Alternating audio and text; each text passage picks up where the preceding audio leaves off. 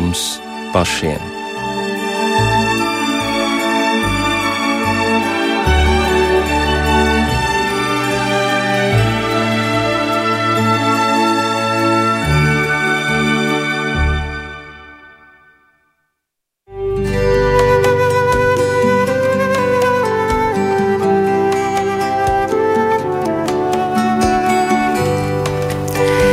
Esiet sveicināti raidījumā pāri mums pašiem, lai slavēts Jēzus Kristus.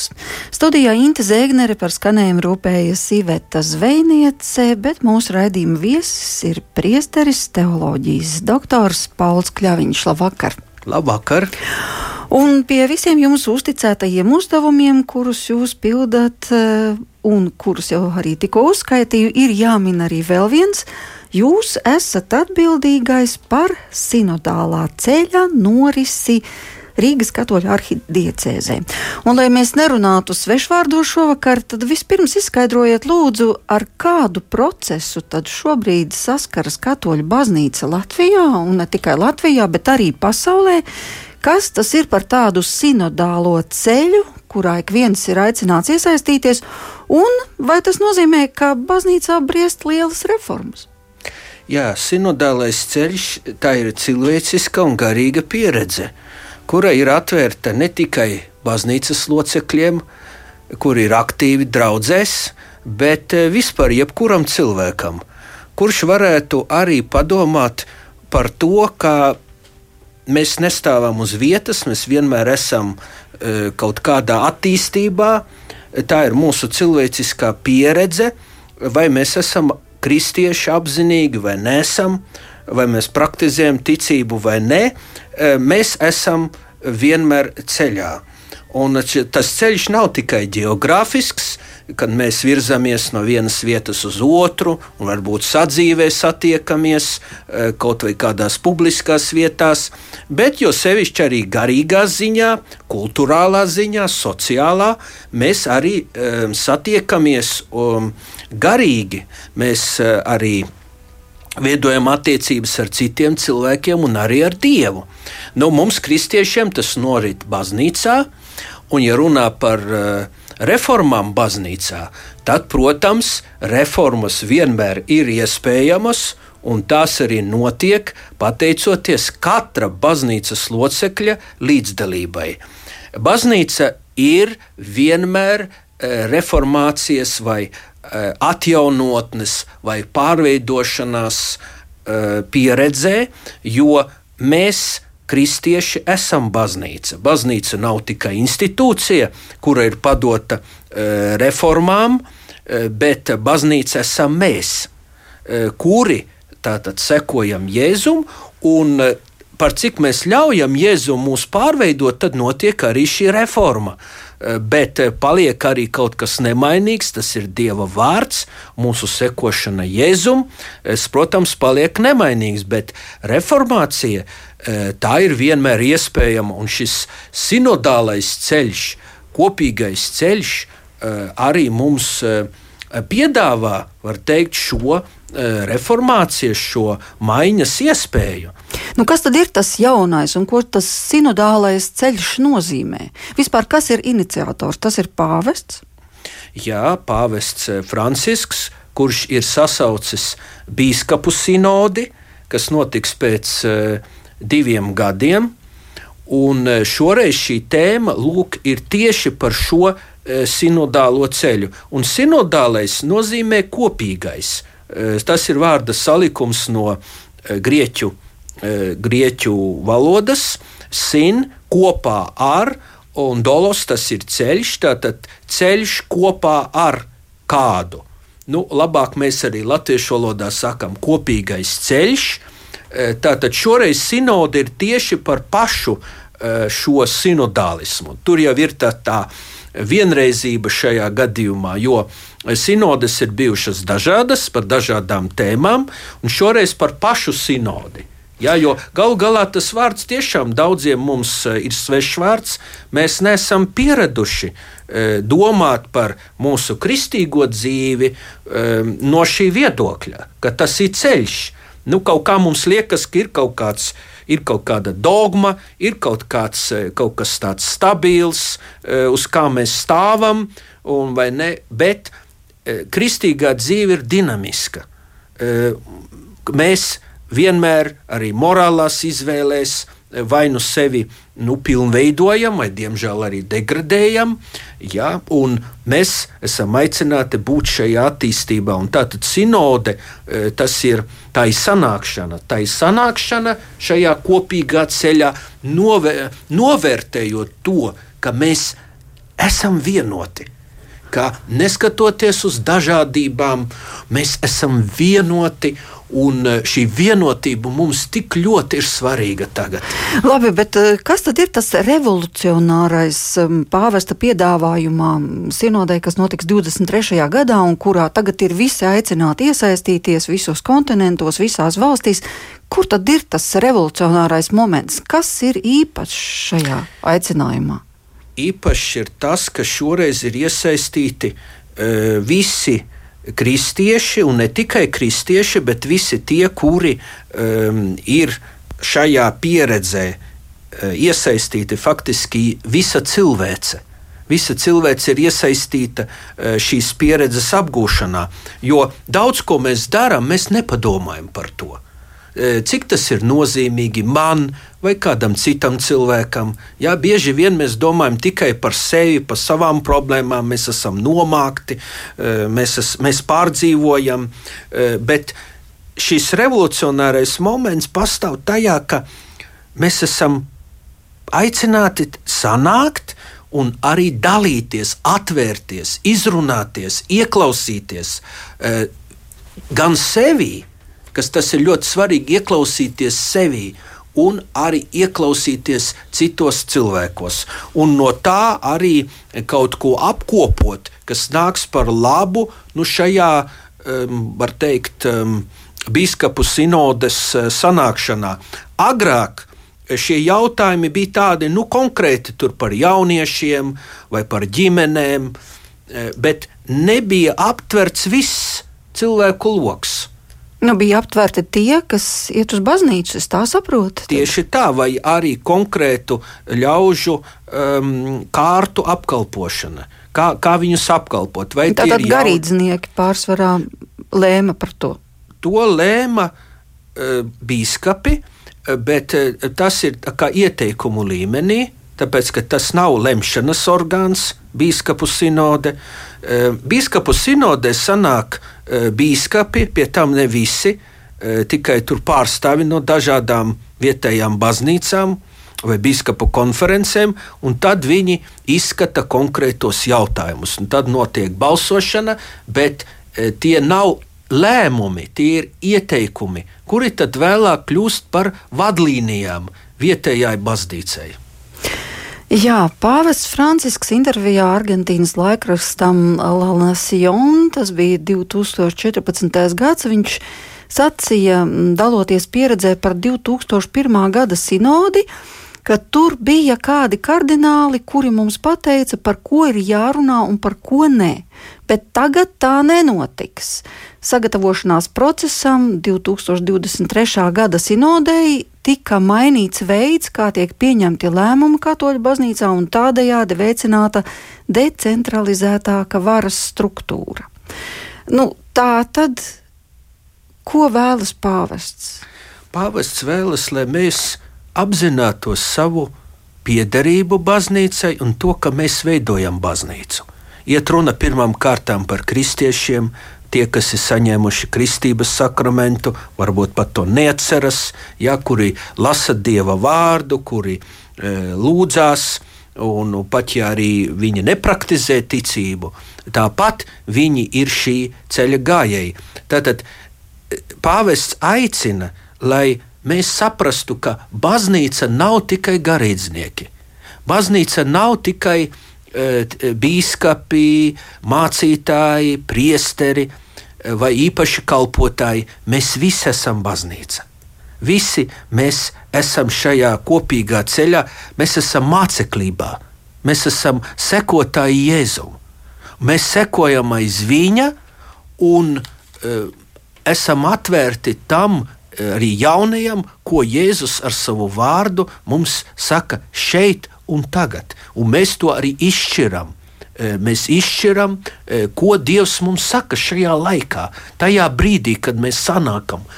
Tātad, tajā brīdī, kad mēs esam sapulcējušies, tad arī notiek īpaša šī pieredze, e, dalīšanās veidā, kad Dievs mūs var uzrunāt caur otru cilvēku. Un tas ir kaut kas tāds, kas iepriekš nav bijis, nu, sevišķi varbūt pie mums, jo mēs neesam pieraduši varbūt dalīties e, ne tikai pozitīvā, arī negatīvā pieredzē, un arī mēs neesam varbūt apzinājušies, ka draudzene ir kā ģimene. Nu, bieži vien mēs zinām, ka ģimenē e, mēs atļaujamies strīdēties, ģimenē mēs atļaujamies argumentēt, ja? dažreiz notiek pat konflikti, e, diemžēl ģimenē. Ja? Bet ārpus ģimenes mēs kaut kā domājam, nu, mums vajag dievnamā uzvesties kārtīgi un varbūt dažkārt arī izrādīties kaut kā labāki nekā mēs esam. Pāvests atgādina, lūk, ka Dievs redz mūsu sirdi. Un uh, Dievs vēlas, lai mēs būtu atvērti ne tikai viņam, bet arī mūsu līdzceļa gājējiem, tiem pārējiem, kas ir ap mums. Un mēs varam daudz ko iegūt, kad mēs ieklausāmies viens otras sāpēs un pārdzīvojumos, um, mūsu gan pozitīvā, gan negatīvā pieredzē, ka tas ir bagātinošs process. Jā, bija arī tāda atziņa, ka pārmaiņām katoļu baznīcā ir jānāk no vietējām baznīcām, nevis no Romas. Tātad tas arī piedar pie šī sinodālā ceļa. Bet kā jūs uzskatāt, kādām tad šīm pārmaiņām ir jābūt? Lūk, pārmaiņām jābūt izšķirtām. Pārmaiņām ir jābūt e, inkulturētām. Tas nozīmē, jābūt saskaņā ar mūsu patiesajām e, cilvēciskajām un arī vietējās kultūras vērtībām, kuras mūs ceļ kā cilvēkus un arī virza mūs šajā kopīgajā ceļā, kas, protams, mums notiek konkrētos apstākļos, konkrētā situācijā, mūsu gadījumā Latvijā, konkrētā Latvijas situācijā. Ja?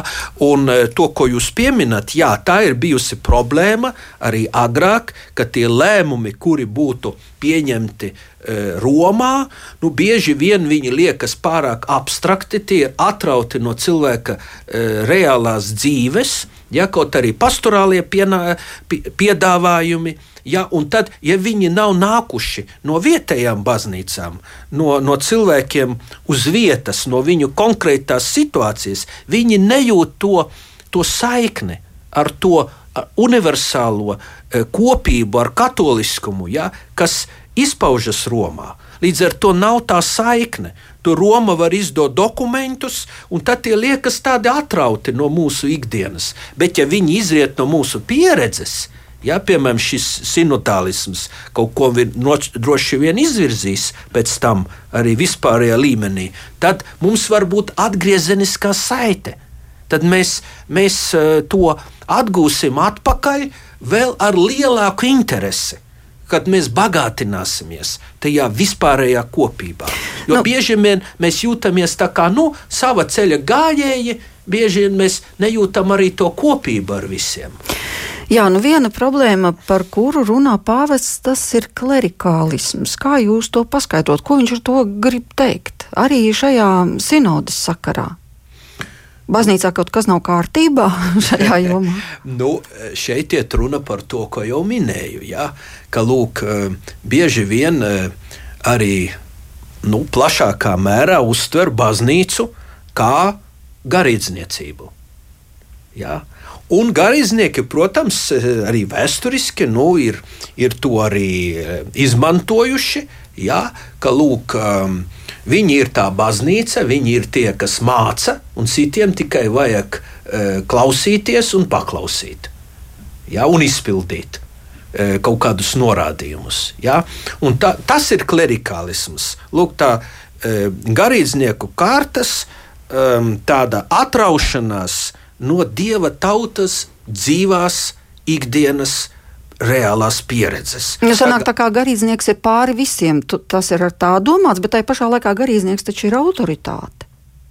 Tas taču loģiski, ka galvenā autoritāte ir garīdznieks baznīcā. Tā tam vajadzētu arī būt, vai ne?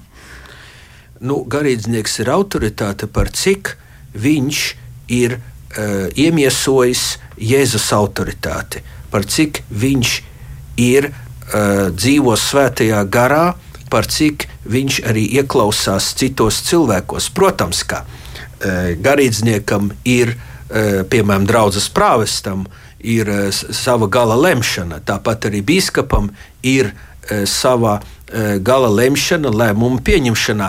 Tas, ko mēs saucam par lēmumu izstrāde, vēl nav lēmuma paša pieņemšana. Ja? Šeit mēs runājam par to, ka mēs iesaistām cilvēkus lēmumu izstrādē, lai šie lēmumi visvairāk atbilstu cilvēku konkrētai situācijai un viņu vajadzībām. Savukārt lēmumu pieņemšana, protams, galu galā saskaņā arī ar baznīcas likumiem, ir, eh, ir garīdznieka, eh, konkrēti priestera, eh, prāvesta, vai tas būtu bīskapa vai pāvesta līmenī. Ja? bet mēs iesaistām cilvēkus. Klerikālisms ir tad, kad neieklausās cilvēkos, jo ir pārliecība, ka mēs jau zinām, mēs zinām, kā ir jābūt. Tas ir klerikālisms. Jā, un tā ir arī zināma norobežošanās no cilvēkiem. Es gan neteiktu, ka Latvijā tas tā īpaši izpaudies. Ir. Ja?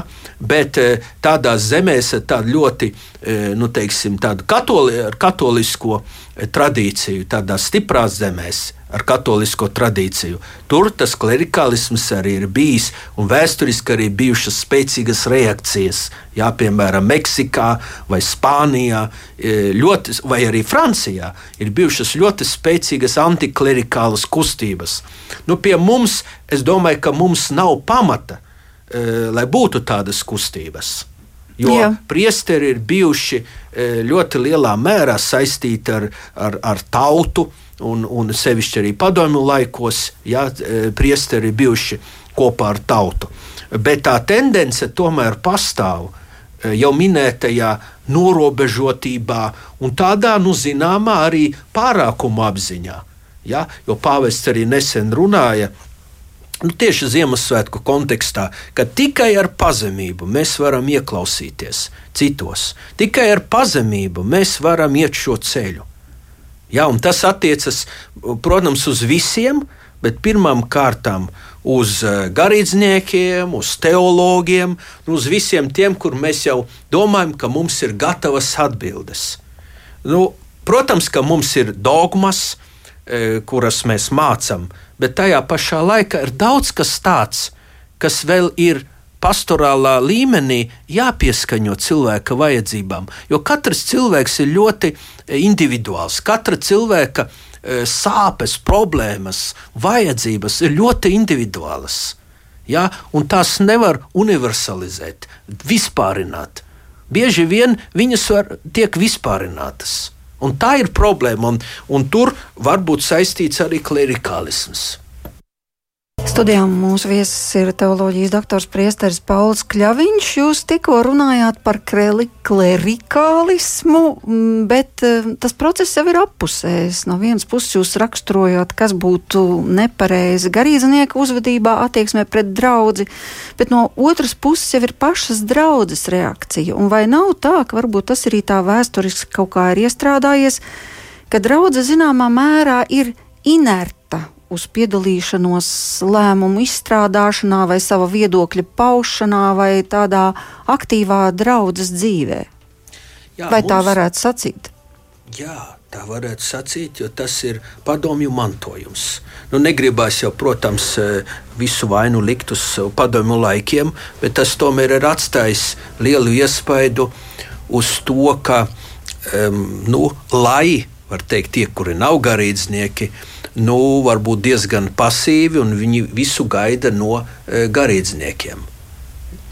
Un otrs faktors svarīgs tā ir izglītība.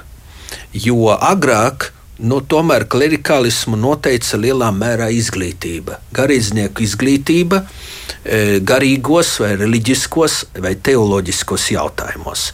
Un tie, kuri nebija garīdznieki, e, tie bija diezgan ierobežoti, nu, izglītoti. Bija tā, tikai katehismu līmenī, jautājumos un atbildēs. Nu, tagad situācija ir mainījusies, jo ļoti daudziem, arī lajiem, ir pieejama teoloģiskā izglītība. Un, piemēram, Amerikā pat vairāk uh, laji iegūst doktorātus teoloģijā nekā pat garīdznieki. Ja? Arī pie mums e, daudz iegūst e, šos zinātniskos grādus.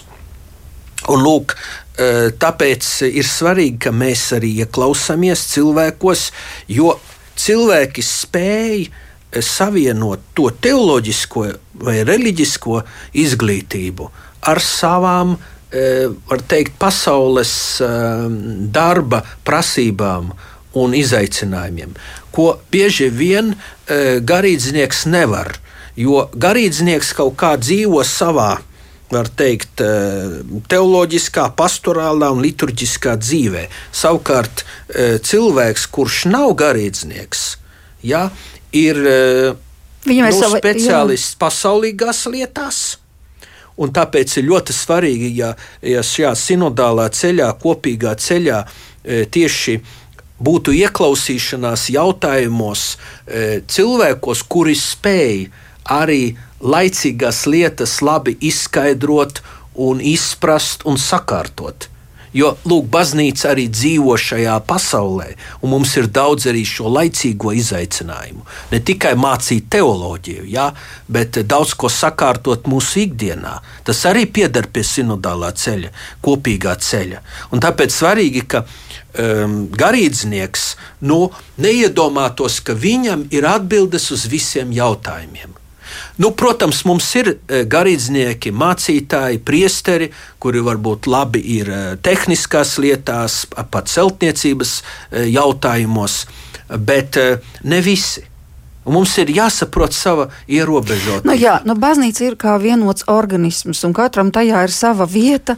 Bet tagad ir jautājums, nu, tā inerce, vai tas izriet tikai no šī um, iepriekšējā padomju laika mantojuma, vai arī tas tomēr izriet no kaut kādas tradīcijas, no mentalitātes, nu, tā cilvēku vēlēšanās drīzāk atnākt uz baznīcu, būt dievkalpojumā un aiziet, bet nevis justies, nu, ka tu esi atbildīgs par to baznīcu, ka tu esi daļa no tās baznīcas, ka tev ir kaut kādā veidā jākalpo, ka tev ir jāiesaistās lēmumu pieņemšanā.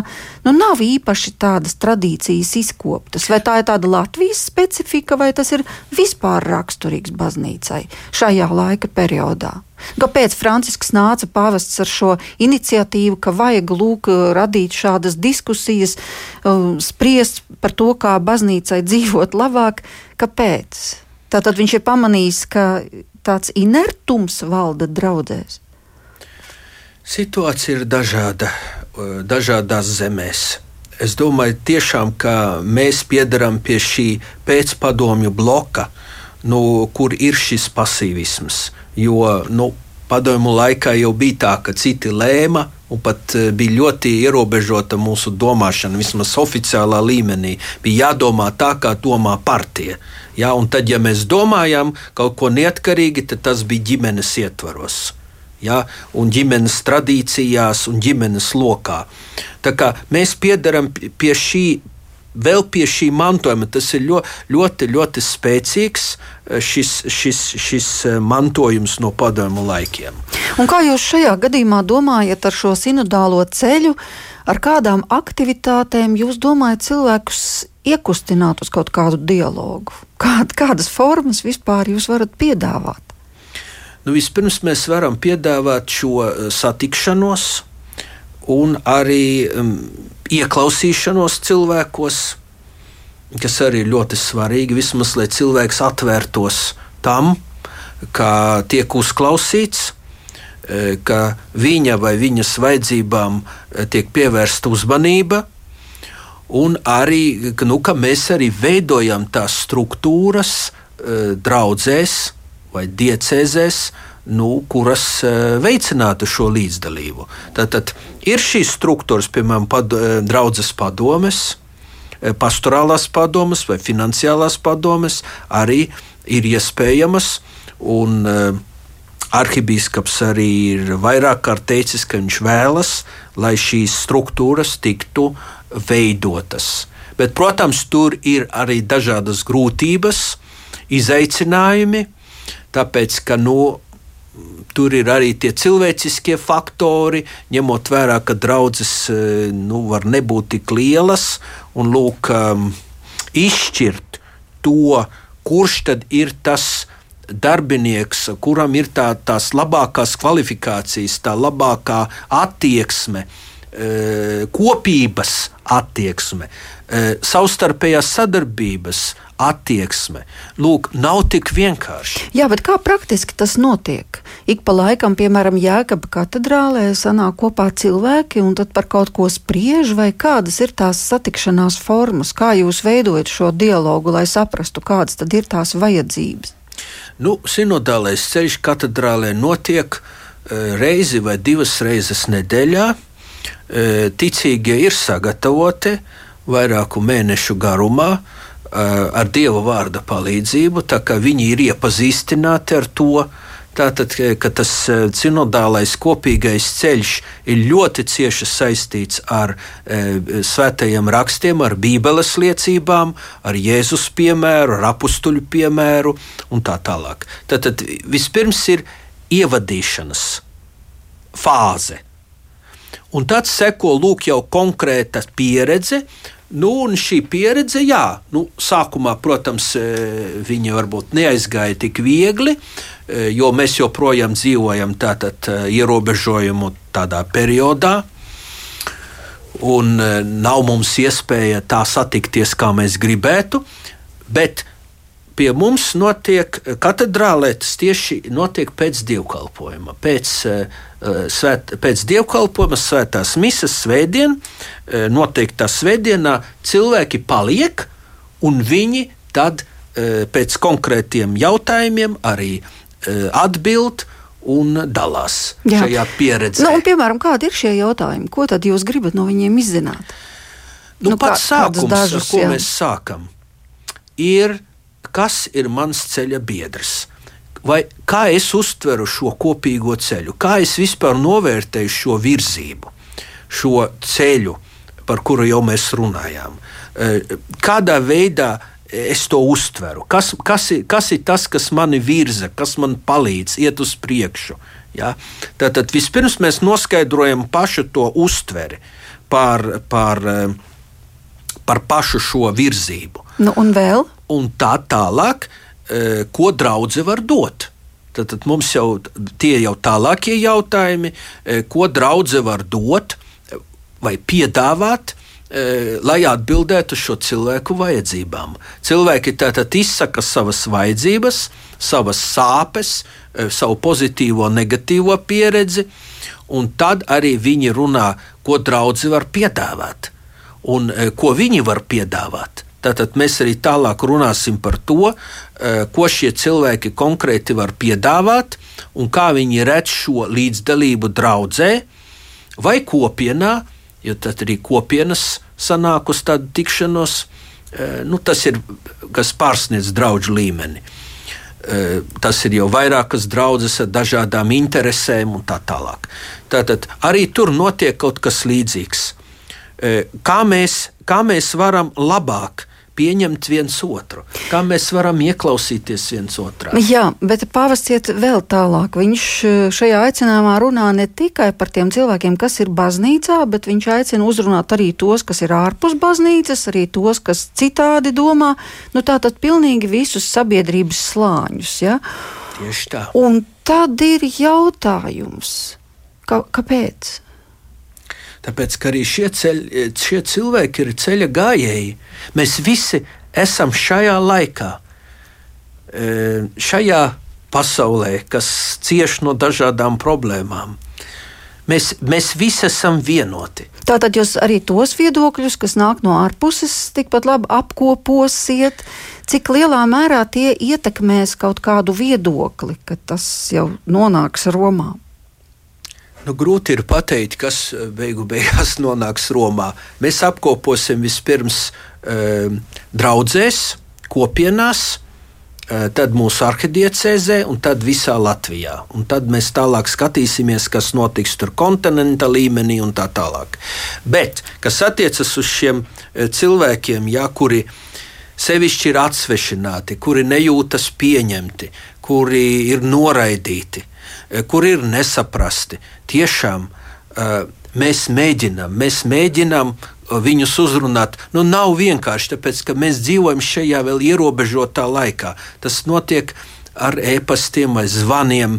E, tiešām to ir ļoti grūti izdarīt. Jā, aptvert šos cilvēkus, jā, jo, jo tur vajadzīgi nu, arī respektēt cilvēku brīvību, vajag izskaidrot cilvēkiem, e, kas, te, kas, tas, kas tā par pieredzi. Es ceru, ka šis raidījums to veicinās. Jā, atgādinot to, ka kad katrs cilvēks ir vērtīgs un baznīca e, novērtē, un baznīca vēlas palīdzēt katram cilvēkam e, šajā kopīgā ceļā, īpaši tam, kurš varbūt jūtas izmesis, kurš e, jūtas e, ļoti nomākts, kad, kad ir šie, ka Kristus, Jēzus ir tas, kurš vēlas dziedināt, kurš vēlas vienot. Tā ir mūsu kristīgā pieeja, bet mēs nevēlamies uzspiest, bet piedāvāt. Un tas jādara nu, ļoti delikāti un smalkjūtīgi. Nu, ņemot vērā, ka tagad ir tomēr pandēmijas laiks un tāda plaša pulcēšanās uz diskusijām nav iespējama, tad kādā veidā, piemēram, ik viens cilvēks savas vēlmes var paziņot?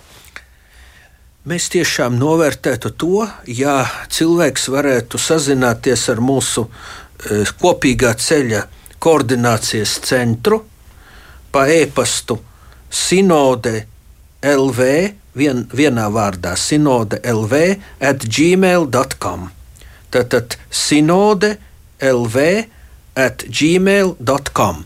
E, mēs tiešām e, iesakām visiem tiem, kuri jūtas aicināti piederēt un ne tik piederēt, bet arī apzināt šo kopīgo ceļu, un kuri varbūt cieš no tā, ka viņi netiek atzīti, netiek pieņemti. E, varbūt viņiem ir negatīva pieredze, varbūt bijusi noraidīšana. Sazināties e, pa šo e-pastu un e, raksturot šo savu situāciju, izteikt savu sāpi. Gan to arī pozitīvo pieredzi, protams, bet arī sāpi un arī ieteikt, ko mēs varam darīt, lai justos vairāk vienoti šajā kopīgā ceļā. Jo ļoti sāpīgi ir, kad mēs, kristieši, šķeļamies eh, un mēs nesam vienoti. Tas nozīmē, ka Tā, jūs varētu iegūt arī tādu viedokļu apkopojumu par baznīcu un par situāciju baznīcā, par vēlmēm, par problēmām, par pozitīvo, nu, zināmu tādu skatu jūs varētu iegūt. Un tad tā interesanti šie visi iegūtie skati no dažādām valstīm, no pasaules valstīm, no kontinentiem sanāks kopā, tad tiks apkopota tajā 2003. gadā, tad, kad jau notiks šī sinode. Un tomēr um, man ir jāvaicā tāds jautājums par to, vai tādā veidā nenotiks zināma de decentralizācija baznīcā. Nu, teiksim, Latvijā dominē kaut kāds viens viedoklis par to, kurp virzīties baznīcai. Vācijā varbūt tas ir daudzkārt atšķirīgs. Piemēram, Polijā tas ir citādāks nekā Vācijā, Meksikā tas ir citādāks nekā Amerikā. Un tad jautājums, tad kā to vispār visu apkopot un īsti saprast, kādas tad ir tās baznīcas vadlīnijas? Jo, ja nu pēkšņi izrādās, ka kāds viedoklis ir spēcīgāks, bet varbūt tas nemaz nav pareizais viedoklis, kur nu, baznīcai doties? Nu, vispirms es domāju, ka netiks mainīts e, katoliskās baznīcas katehisms. Ja, e, tātad šajos pamatos, ticības pamatos, e, nu, mēs paliksim mm, nemainīgi. Bet e, tur, kur var būt šīs izmaiņas, tas, es pieņemu, arī būs tomēr dažādas, e, dažādās zemēs un kontinentos, ņemot vērā to pašu jau mūsu minēto kultūru vēsturisko pieredzi. Tad tas būs e, šajās attiecībās starp lēmumu izstrādi un lēmumu pieņemšanu. Tur varētu būt tā dinamika, tās attiecības, kuras nu, var būt dažādas, dažādos mehānismos, ar dažādu līdzdalību. Bet kas attiecas uz šo hierarhisko struktūru, no, tomēr mēs apliecinām, ka ir apustuliskā baznīca un um, šis princips paliks. Apustuliskā baznīca tas nozīmē, Jā. tomēr biskupi būs pāraugi e, par vietējām baznīcām, un e, tāpat arī paliks šī apustuliskā un arī hierarhiskā struktūra. Tikai var mainīties lielā mērā līdzdalības iespējas. Jā, jā, bet jautājums par lēmumu pieņemšanu. Nu, piemēram, ja vietējā baznīca nolēma, ka tagad varēs iet pie dievgalda arī šķirti pāri, kas ir precējušies vienreiz, otrreiz un trešo reizi, jo galu galā citā laikmetā mēs dzīvojam. Un, ja vietējā baznīca tā nolēmja, tad kā jūs domājat, vai vietējai baznīcai būs tādas tiesības to arī īstenot, vai tomēr ir viena kopīga um, baznīca un kopīgs lēmums un kopīgas morālas prasības? Jā, es domāju, ka morālas prasības saglabāsies. Eh, bet tas, ko jūs pieminat, ir eh, individuālās izšķiršanas jautājums. Tātad eh, dažādas situācijas, kuras ir jāizšķir, nu, tas ir arī tajā dokumentā. Amoris Leticija, kas jau ir izdots latviešu valodā, mīlestības līksme. Un tur ir arī runa par to pavadību, par to izšķiršanu. Ļoti svarīgs ir šis izšķiršanas moments. Tātad ir morālie principi, bet katra cilvēka individuālā situācija var būt ļoti dažāda. Ja, to var izšķirt faktiski tikai bīkstēvs. To var, to var izšķirt tikai tādos gadījumos, kad cilvēks atver savu sirdsapziņu e, un atklāj visus apstākļus, kuri nosaka šo morālo atbildību. Es nedomāju, ka būs izmaiņas šādā, e, šādā e, morālā Eh, mācības līmenī. Tad jūs nedomājat, ka būs tāda brīvība, ka vienkārši katrā valstī baznīca varēs diezgan brīvi rīkoties ar kaut kādiem lēmumiem? Tā gluži nevarētu būt. Eh, brīvība bū, varētu būt, bet ne jau šādos lēmumos. Brīvība varētu būt ļoti daudzās, nu, arī, mm, nu, arī saimnieciskās lietās, ekonomiskās lietās. Uh, sadzīves jautājumos, um, pastorālās plānošanas jautājumos. Tur varētu būt tā, tā lemšana. Bet ne jau uh, baznīcas mācības vai morāles līmenī.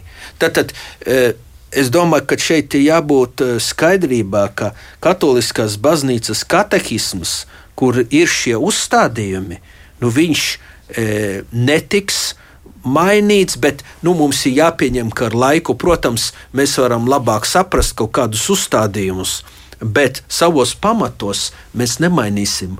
Eh, nu, to, ko Kristus mums ir atstājis, ko mēs lasām Dieva vārdā. Jo Dieva vārds ir tas, kurš mūs, mūs eh, māja, eh, nu, kurš mūs uztur un vieno. Ko jūs teikt par tādu frāzi, ka baznīcai ir, lai tā izdzīvotu, ir jāpielāgojas sabiedrībai un laikam, kurā tā dzīvo? Ir jāpielāgojas vai nav? Nu, lūk, šis ir tas jautājums, eh, kuru risināja Vatikāna otrais koncils. Šī pielāgošanās e, itāļu valodā adžornomento, jā, tā tad būtu šī, šis, eh, šis viens no aspektiem, Eh, kurš ir Vatikāna otrajā koncilā, bet viņu vajag izlīdzsvarot ar to, kas ir vēl viens cits ļoti svarīgs. Resourcement, tātad tas ir um, sakņošanās uh, mūsu pamatos. Tātad tā ir iesakņošanās mūsu dzīvajā tradīcijā. No vienas puses, jā, ir adaptācija, tātad, jo mēs dzīvojam šajā pasaulē, uh, Un e, šī adaptācija ļoti svarīga, sevišķi arī inkulturācijā, ņemot vērā vietējo kultūru, bet no otras puses ir šī iesakņošanās mūsu apustuliskajā tradīcijā. Ko nedrīkst pazaudēt? Kuru nedrīkst pazaudēt, un kuru mums ir jāturpina. Un tas ir tas jautājums jau iepriekšējais, ja, par to hierarhisko struktūru. lūk, ka tomēr Jēzus deva apstuļiem šīs pilnvaras, ja, un, protams, ir līdzdalība dažādās sfērās, bet šis apustuliskais princips paliek. Tas bet, nav anulēts. Bet kā, kāpēc jūs domājat, kāpēc sekulārā pasaule tik ļoti gribētu, lai baznīca pielāgojas sekulārās baznīcas principiem? Nu, teiksim, lai ap, akceptē daudzas lietas, kas. Nu, tāpēc, ka sekulārā pasaulē, nu, es domāju, ka uztver baznīcu, nu, es teiktu, kā politisku partiju ar kaut kādu ideoloģiju, ar kaut kādām ideoloģiskām interesēm Lūk, un tāpēc arī nu, sekulārai pasaulē, eh, kas ir tie paši cilvēki, ne, kuri dzīvo pasaulē, jā, nu, viņi vienkārši grib, lai e, citi domā nu, tāpat kā mēs. Meklē sev domu biedrus, un e, nu, tagad tas ir ļoti modē. Ja, kad e, cilvēki grib, lai, lai citi viņus pieņem e, nu, pilnībā. pilnībā ja. Eh, un, un, diemžēl arī dažādība vairs netiek respektēta tik ļoti. Jo, jo ir nonivelēšana bieži vien. Arī. Jā. Bet Jā. vai, vai jums nešķiet, ka agrāk tajās pirmajās draudzēs viss bija daudz, daudz vienkāršāk? Nu, kā mēs to lasām arī svētajos rakstos, viņi bija kā viena sirds un viena dvēsele, un viss viņiem bija kopīgs, un viņi kopīgi sastapās pie maizes laušanas, un viņi cieta vajāšanas, bet svētais gars tik ļoti spēcīgi darbojās viņu vidū. Viss tur bija bez lēmumiem, bez direktīvām, bez. Jā. Jā, tas tiešām ļoti jauki bija apakstuļu darbu grāmatā pašā sākumā ja, kuru jūs minat, 4. nodaļā, bet 15. nodaļā mēs lasām, ka apstuļi sanāca kopā un lēma ļoti svarīgus jautājumus. Tātad bija pienācis arī tas brīdis, kad viņi nevarēja e, vienkārši iztikt bez lēmumiem. Lēmumus viņi pieņēma, Un, eh, un šie lēmumi arī virzīja viņus uz priekšu. Nu, no šiem lēmumiem arī pēc tam eh, seko eh, koncili. Tātad, kad visi biskupi sanāk, nu, iespēju robežās, tad viņi sanāk un, un tomēr lem kaut ko, um, kas ir svarīgs vispārējai baznīcai. Tā kā lemšana tomēr ir svarīga, lai virzītos uz priekšu. Jo uh, gan dogmas, gan morālie uzstādījumi, tie ir kā ceļa zīmes mūsu kopīgā ceļā. Ja mums nav ceļa zīmes, tad uh, mēs varam nu, aiziet uh, ne tur, kur vajag. Ja, tā kā ceļa zīmes mums ir tomēr svarīgas, e, tāpat kā, protams, ir svarīga mūsu līdzdalība, mūsu brīvība, bet nu, Pāvils arī rakstīja par to vēstulē galotiešiem, ka lūk, šī brīvība mums ir jāsaskaņo ar mūsu kristīgo cieņu un arī ar mūsu kopīgo ceļu draudzēs. Tātad piederēt draudzēji, piederēt kopienai. Ja, tas nebija tāds indi, indi, individuālisms. Un pie tam, ja runā par pirmajiem gadsimtiem, mēs nesen nosvinējām uh, Gustavam Flobēram 200 gadus, un viņam ir darbs Svētā Antonija kārdināšana, kas, starp citu, latviešu valodā izdots Edvarda Virzas tulkojumā. Un tur mēs sastopamies ar ļoti lielu eh, dažādību e, kristīgajos uzskatos. Ļoti lielu dažādību pirmajos gadsimtos. Ja? Un, e, patiesībā tas ir kā mežs, kuram tā kā jāizlaužas cauri. Tā kā, um, varbūt tā ide, tas ideālais bija pašā sākumā, bet pēc tam bija ļoti liela dažādība e, kristiešu uzskatos, un tāpēc vajadzēja sanākt konciliem, lai lemtu, kā virzīties tālāk. Es izlasīju tādu interesantu faktu par pirmajām sinodēm, kas attiecas uz mūsu šo geogrāfisko vidi. Un izrādās, ka 1226. gadā Māras baznīcā notiek pirmā Livonijas provinces sinode. Eh, bīskaps Alberts vēl tajā laikā ir dzīves jau notiek sinode. Tad tā ir laikam tā vēsturiskā pati pirmā 13. gadsimtā. Tā ir pirmā, jā, un mums kopumā ir bijušas četras vai piecas tādas vietējās sinodes, un pēdējā bija 1937. gadā. Vēsturiski šī sinode sanāca, lai tieši informētu nu, garīdzniekus un arī aristokrātiju tajā laikā eh, par vispārējo koncilu lēmumiem. Tādas bija sinodes uh, pamat. Uzdevums. uzdevums tajā laikā. Jo toreiz jau nebija tādu ne internetu, nekā tāda. Kāds uh, atbrauca no Romas vai saņēma kaut kādus dokumentus, un ar tiem tika iepazīstināta vietējā baznīca. Un tas notika vietējos, vietējās sinodēs. Tā, to, ko jūs minat, tas bija pēc uh, Latvijas koncila, un pēc tam arī bija uh, Eh, mums arī Jēkaba katedrālē, starp citu, bija vēl pēc Tridentes koncila, arī bija vietējā sinode 17. gadsimta sākumā. Jā, nu mēs ielūkojāmies tālā vēsturē, bet tagad atgal, jāatgādina par nākotni, respektīvi par 2023. gadu, kad notiks jau baznīcas sinode, kurai tagad visi arī aicināti gatavoties neatkarīgi no tā, vai pieder katoļu baznīcai vai nē, un uh, savas vēlmes, ko tad mēs vēlamies no baznīcas, kā mēs redzam vai neredzam savu lomu tajā kas mums sāp vai kas mūs iepriecina, ar šīm visām vēlmēm, tad ir iespējams dalīties nu, sakarā ar šo pandēmijas ierobežojumu, sūtot atsauksmes uz um, um šo ēpastu. Varbūt jūs varat arī pats vēlreiz nosaukt, kur tad jūs cerat saņemt šo viedokli par baznīcu. Jā, mēs ceram saņemt jūsu e-pastus uz sinode LV at gmail.com. Tad es atkārtoju sinode LV at gmail.com.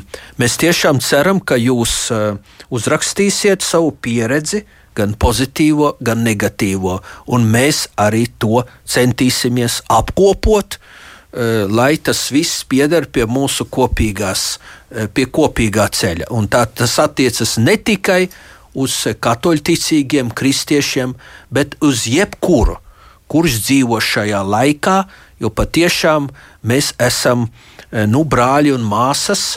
Eh, kā Pāvils Francisks saka, zemes. jā, mēs dzīvojam šeit virs zemes, jā, un eh, mēs esam patiešām vienoti un vienotiesim uz priekšu. Jā, un līdz augusta sākumam tātad jūs šos viedokļus apkoposiet, un tālāk jau notiks jau cits, laikam, kontinentālais līmenis. Bet paldies, ka dalījāties šajā sinodālā ceļa pieredzē un arī izskaidrojot, ko tas īsti nozīmē.